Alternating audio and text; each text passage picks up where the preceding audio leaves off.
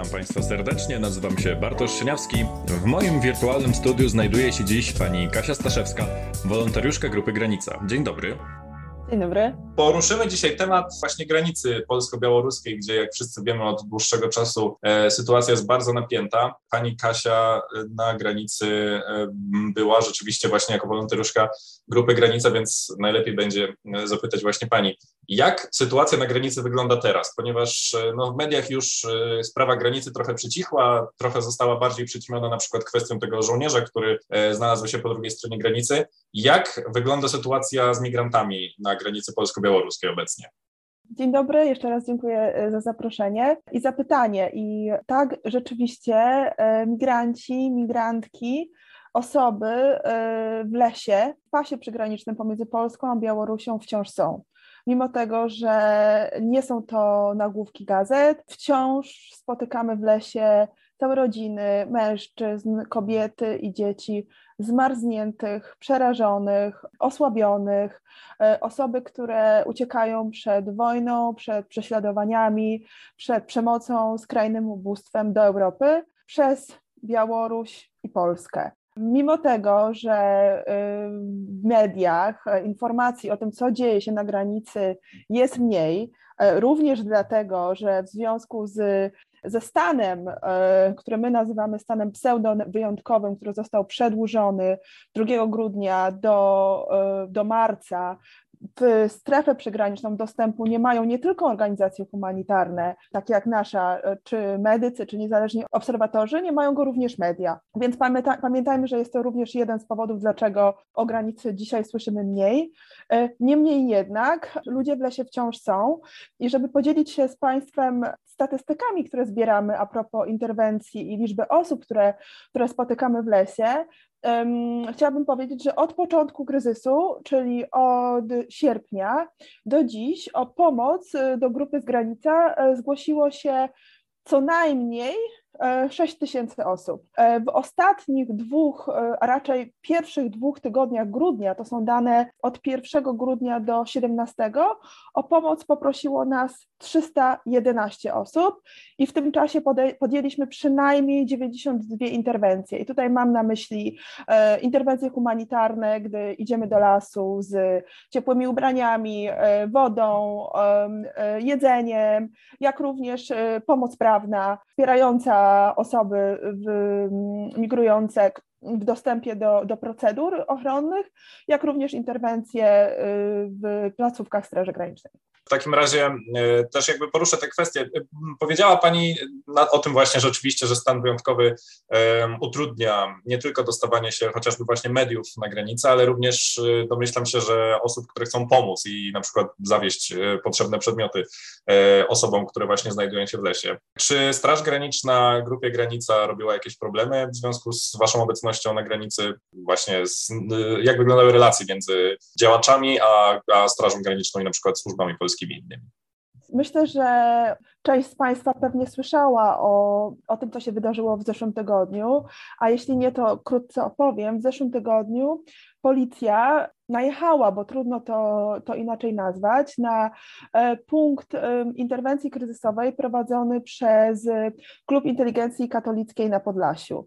E, kilkudziesięciu pełni uzbrojonych funkcjonariuszy pojawiło się w punkcie, punkcie kryzysowym, gdzie w tym momencie przybywał jeden wolontariusz, potem, potem, potem dołączyło do niego trzech innych e, wolontariuszy, przeszukano dom, zarekwirowano sprzęt e, elektroniczny, telefony, komputery. E, może to brzmi tak błaho, ale no w sytuacji udzielania pomocy humanitarnej telefon jest no, tak trochę jak gaśnica dla strażaka, tak? Bez tego trochę trudno, trudno, trudno, trudno być w kontakcie kontakcie i jakby koordy, koordynować działania oraz przesłuchiwano wolontariuszy w charakterze świadków bliżej nieokreślonego przestępstwa y, związanego, czy wykroczenia raczej związanego z, z wspieraniem osób w nielegalnym przekraczaniu granicy, aczkolwiek to wciąż w jakiej, w jakiej charakterze byli przesłuchiwani, y, to wciąż jest y, przedmiotem wyjaśnień. Mówię o tym że, y, dlatego, nie tylko dlatego, że był to oczywiście bardzo, bardzo stresujący i mocny moment dla nas wszystkich, którzy angażują się w pomaganie na granicy, ale był to również kolejny no już bardzo, bardzo mocny przykład nasilających się represji e, i zastraszania ze strony polskich służb, w tym Straży Granicznej Policji, w stosunku do um, osób, e, które pomagają. Wszyscy pamiętamy, albo przynajmniej część z nas pamięta przebite opony w samochodzie medyków na granicy parę tygodni temu. E, część z nas może również pamiętać atak jednostek e, WOT na wolontariusza Grupy Granica Jakuba Sypiańskiego. Słyszymy dużo od, od mieszkańców Podlasia, którzy angażują się w pomaganie, o atmosferze strachu, która tam panuje. Należy, w związku z czym odpowiadając na na pana, na pana pytanie, jakie są relacje. No, relacje są relacjami władzy i dużym pokazem, dużym pokazem siły ze strony polskich służb, które, które zamiast pomagać i wspierać e, naszą pracę, która chciałabym podkreślić, jest absolutnie, jest nie tylko moralnie e, usprawiedliwiona, ale, ale również legalna, polskie służby nam to coraz częściej i coraz mocniej utrudniają. No dobrze, w takim razie to e, zapytam teraz na pytanie na temat właśnie osób, które w strefie objętej stanem wyjątkowym znajdują się mimowolnie, bo tam mieszkają. E, w jaki sposób najczęściej e, ludzie reagują, ludzie mieszkający w strefie przygranicznej reagują na całą tę sytuację? W jaki sposób reagują, czy ewentualnie pomagają działaczom, którzy mm, z pomocą humanitarną wybierają się na granicę, czy w jaki sposób reagują? Reakcje pewnie są różne, tak jak i różne są e, postawy wobec e, kryzysu, kryzysu na granicy. Natomiast to, co chciałabym podkreślić, to to, że w sytuacji, w której my, e, wolontariusze, wolontariuszki, nie mamy dostępu do strefy stanu pseudowyjątkowego, jak również polskie służby nie robią to, co robić powinni, czyli nie ratują życia i zdrowia osób, które są, e, które przymusow, osób, przymusowych migrantów, którzy, którzy są w lesie, bardzo duża część tej odpowiedzialności spoczywa na mieszkańcach i mieszkankach Podlasia.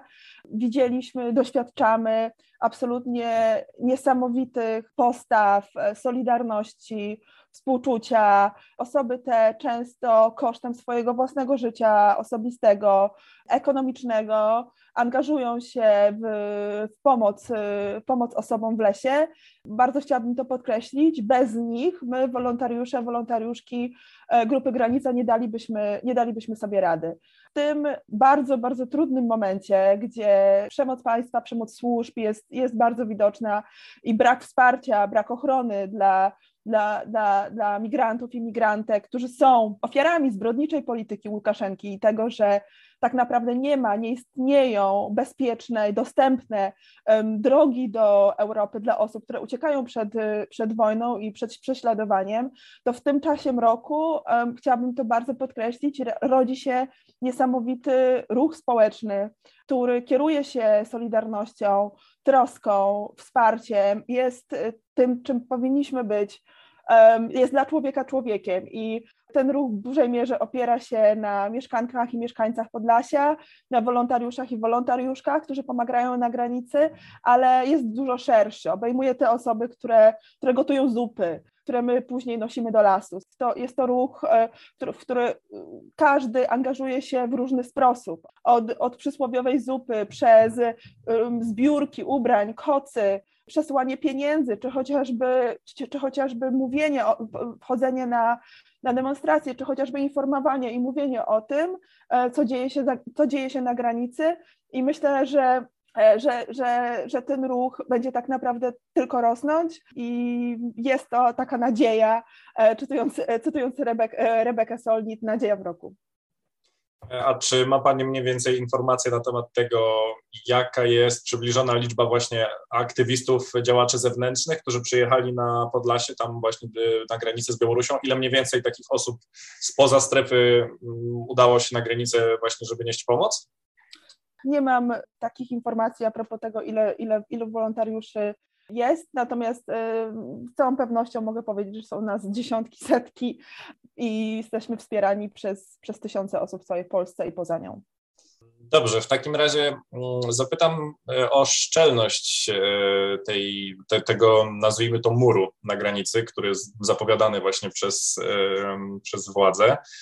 rozstawione na granicy zasieki, patrole wojskowe, patrole Straży Granicznej, policyjne jak bardzo szczelne są te zabezpieczenia dla migrantów? Czy granica polska rzeczywiście jest nie do przejścia, czy ci migranci jednak, czy migrantom czasem udaje się przejść rzeczywiście na przykład przedostać się przez Polskę do Niemiec dalej? Bo y, najczęściej właśnie y, rozumiem, że do Europy Zachodniej próbują się dostać.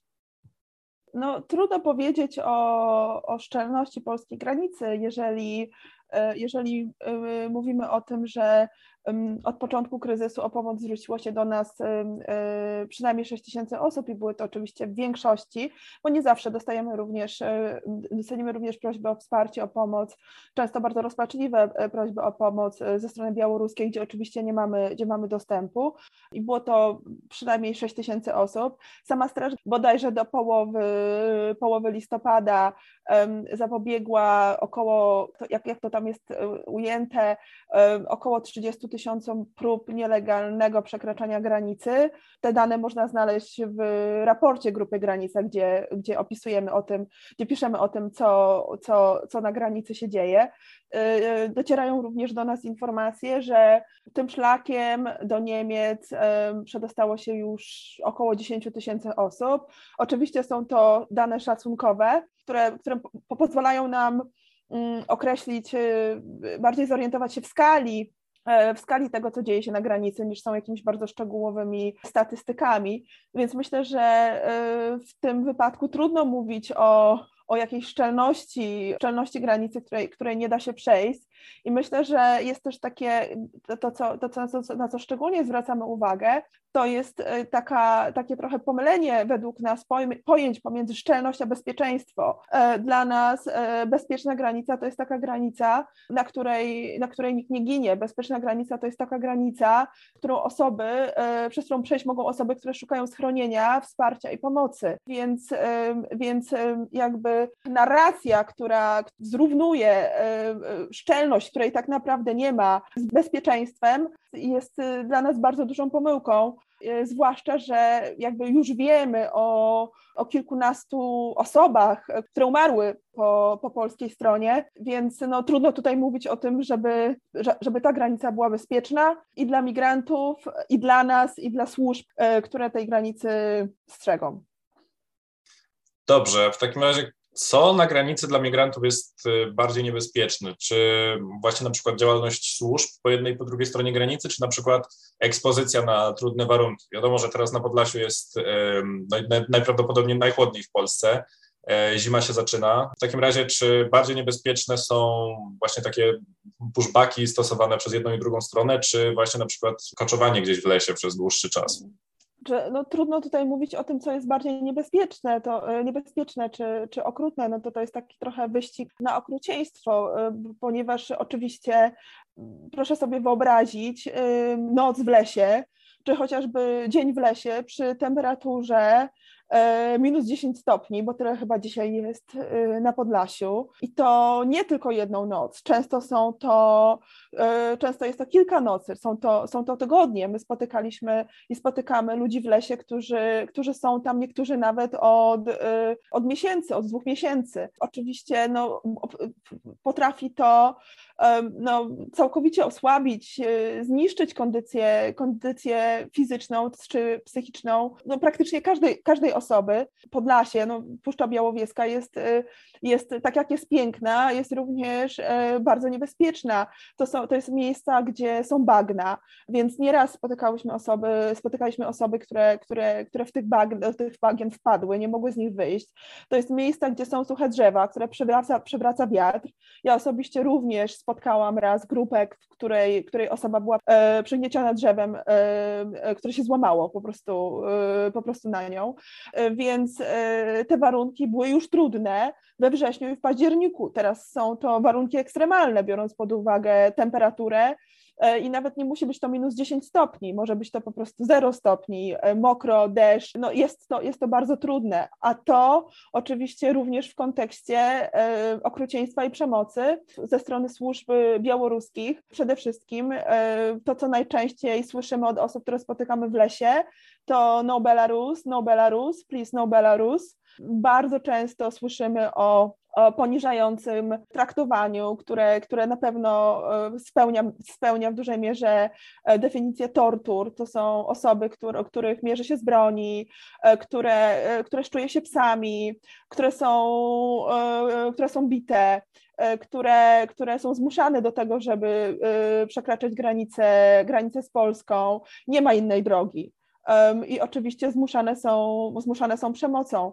ale słyszymy również od osób, które spotykamy w lesie, o doświadczeniach przemocy ze strony, ze strony polskich służb, ze strony e, Polskiej Straży Granicznej. Same wywózki, tak zwane pushbacki na Białoruś, trudno mówić o nich inaczej niż o formie przemocy, kiedy zmęczoną, zdesperowaną, zmarzniętą, głodną, rodzinę czy też, czy też osoby, Polska Straż Graniczna nie dopuszcza do procedów ochronnych, tylko, tylko wywozi na drut żyletkowy, nie zważając na ich, na ich prośby, yy, na, na ich prośby o ochronę jednych z podstawowych zasad prawa międzynarodowego i standardów praw człowieka jest zasada non-refoulement, czyli niewydalania osób, migrantów, uchodźców do kraju, gdzie grozi im niebezpieczeństwo. No, myślę, że no, no, trudno się nie zgodzić z tym, że no, Białoruś nie jest krajem bezpiecznym. Mamy, wiemy już dostatecznie dużo, co tam się dzieje w stosunku do migrantów, także no, to również jest forma przemocy.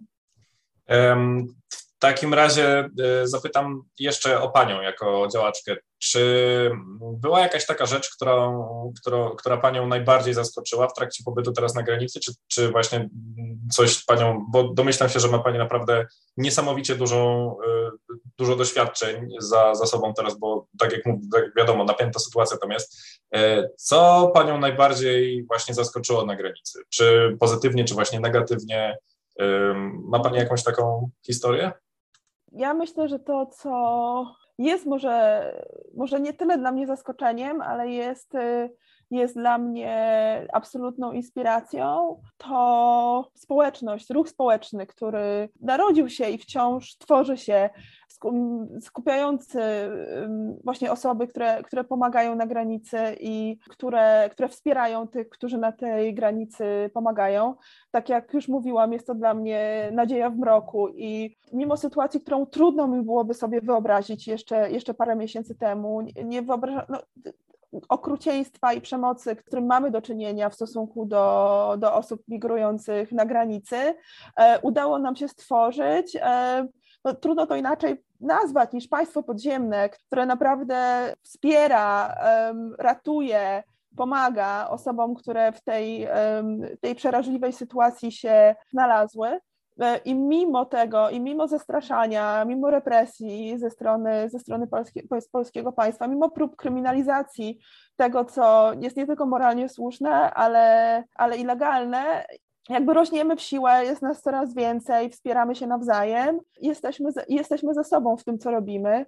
Mamy też no, dla mnie zaszczyt e, spotykać, e, spotykać w tym lesie ludzi z różnych miejsc, tak? Jest to zwykle e, Irak, Syria, tych osób spotykamy najwięcej, Afganistan, Jemen i, i z wielu, wielu innych miejsc. Są to są to osoby często no, w bardzo, bardzo trudnym stanie, ale są to osoby, które nam ufają, dają nam ten kredyt zaufania i szansę jakby, żeby, żeby im pomóc i myślę, że jakby jest to no zdecydowanie jedna z, e, z piękniejszych form solidarności i wsparcia. I mimo tego, że jest to na pewno jedno z najtrudniejszych doświadczeń, jest to również doświadczenie bardzo piękne, gdyż wspólnie jakby udaje nam się ratować życie i zdrowie ludzi. Badania opinii publicznej wykazały, że Polacy są niezbyt chętni w puszczaniu migrantów z zagranicy. Są bardziej e, nastawieni na to właśnie, żeby ta granica była szczelna. E, w związku z tym, gdyby miała Pani możliwość, nazwijmy to, przemówienia do wszystkich tych osób właśnie, które mają wątpliwości co do, co do właśnie sytuacji na granicy imigrantów, jaką wiadomość chciałaby Pani na przykład przekazać tym osobom, żeby ich przekonać do tego, że, że, że, że, że warto rzeczywiście pomagać migrantom i, i warto zastanowić się nad sytuacją e, na, na granicy z perspektywy takiej właśnie, perspektywy Pani, z perspektywy działaczki humanitarnej?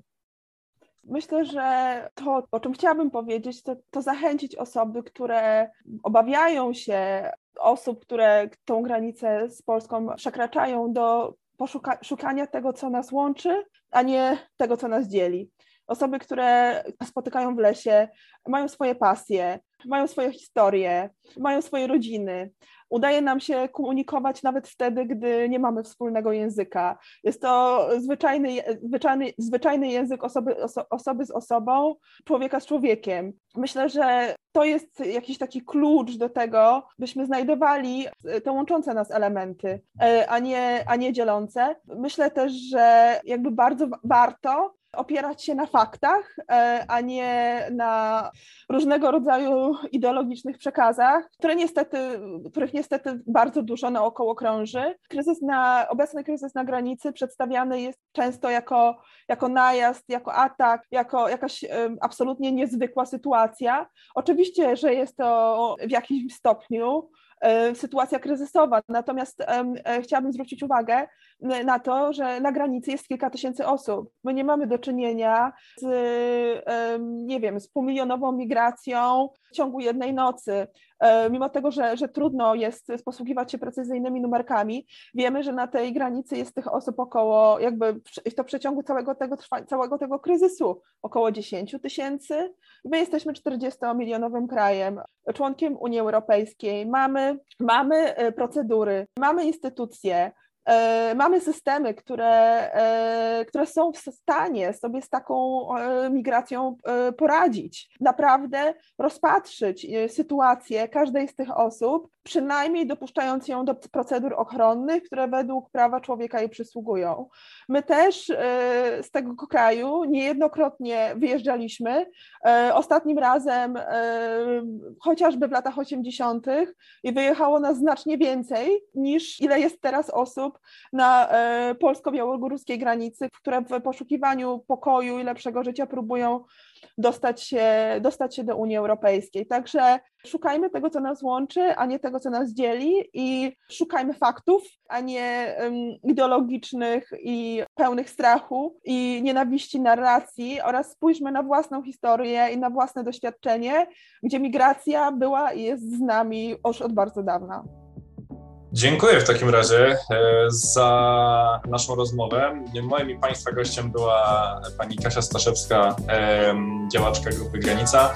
Można rzec tylko, że jakby trzymamy kciuki, że sytuacja i kryzys na granicy rozwiążą się jak najbardziej pokojowo i e, bezpiecznie dla wszystkich osób, które właśnie tam się znajdują. Dziękuję za bardzo za rozmowę. Dziękuję.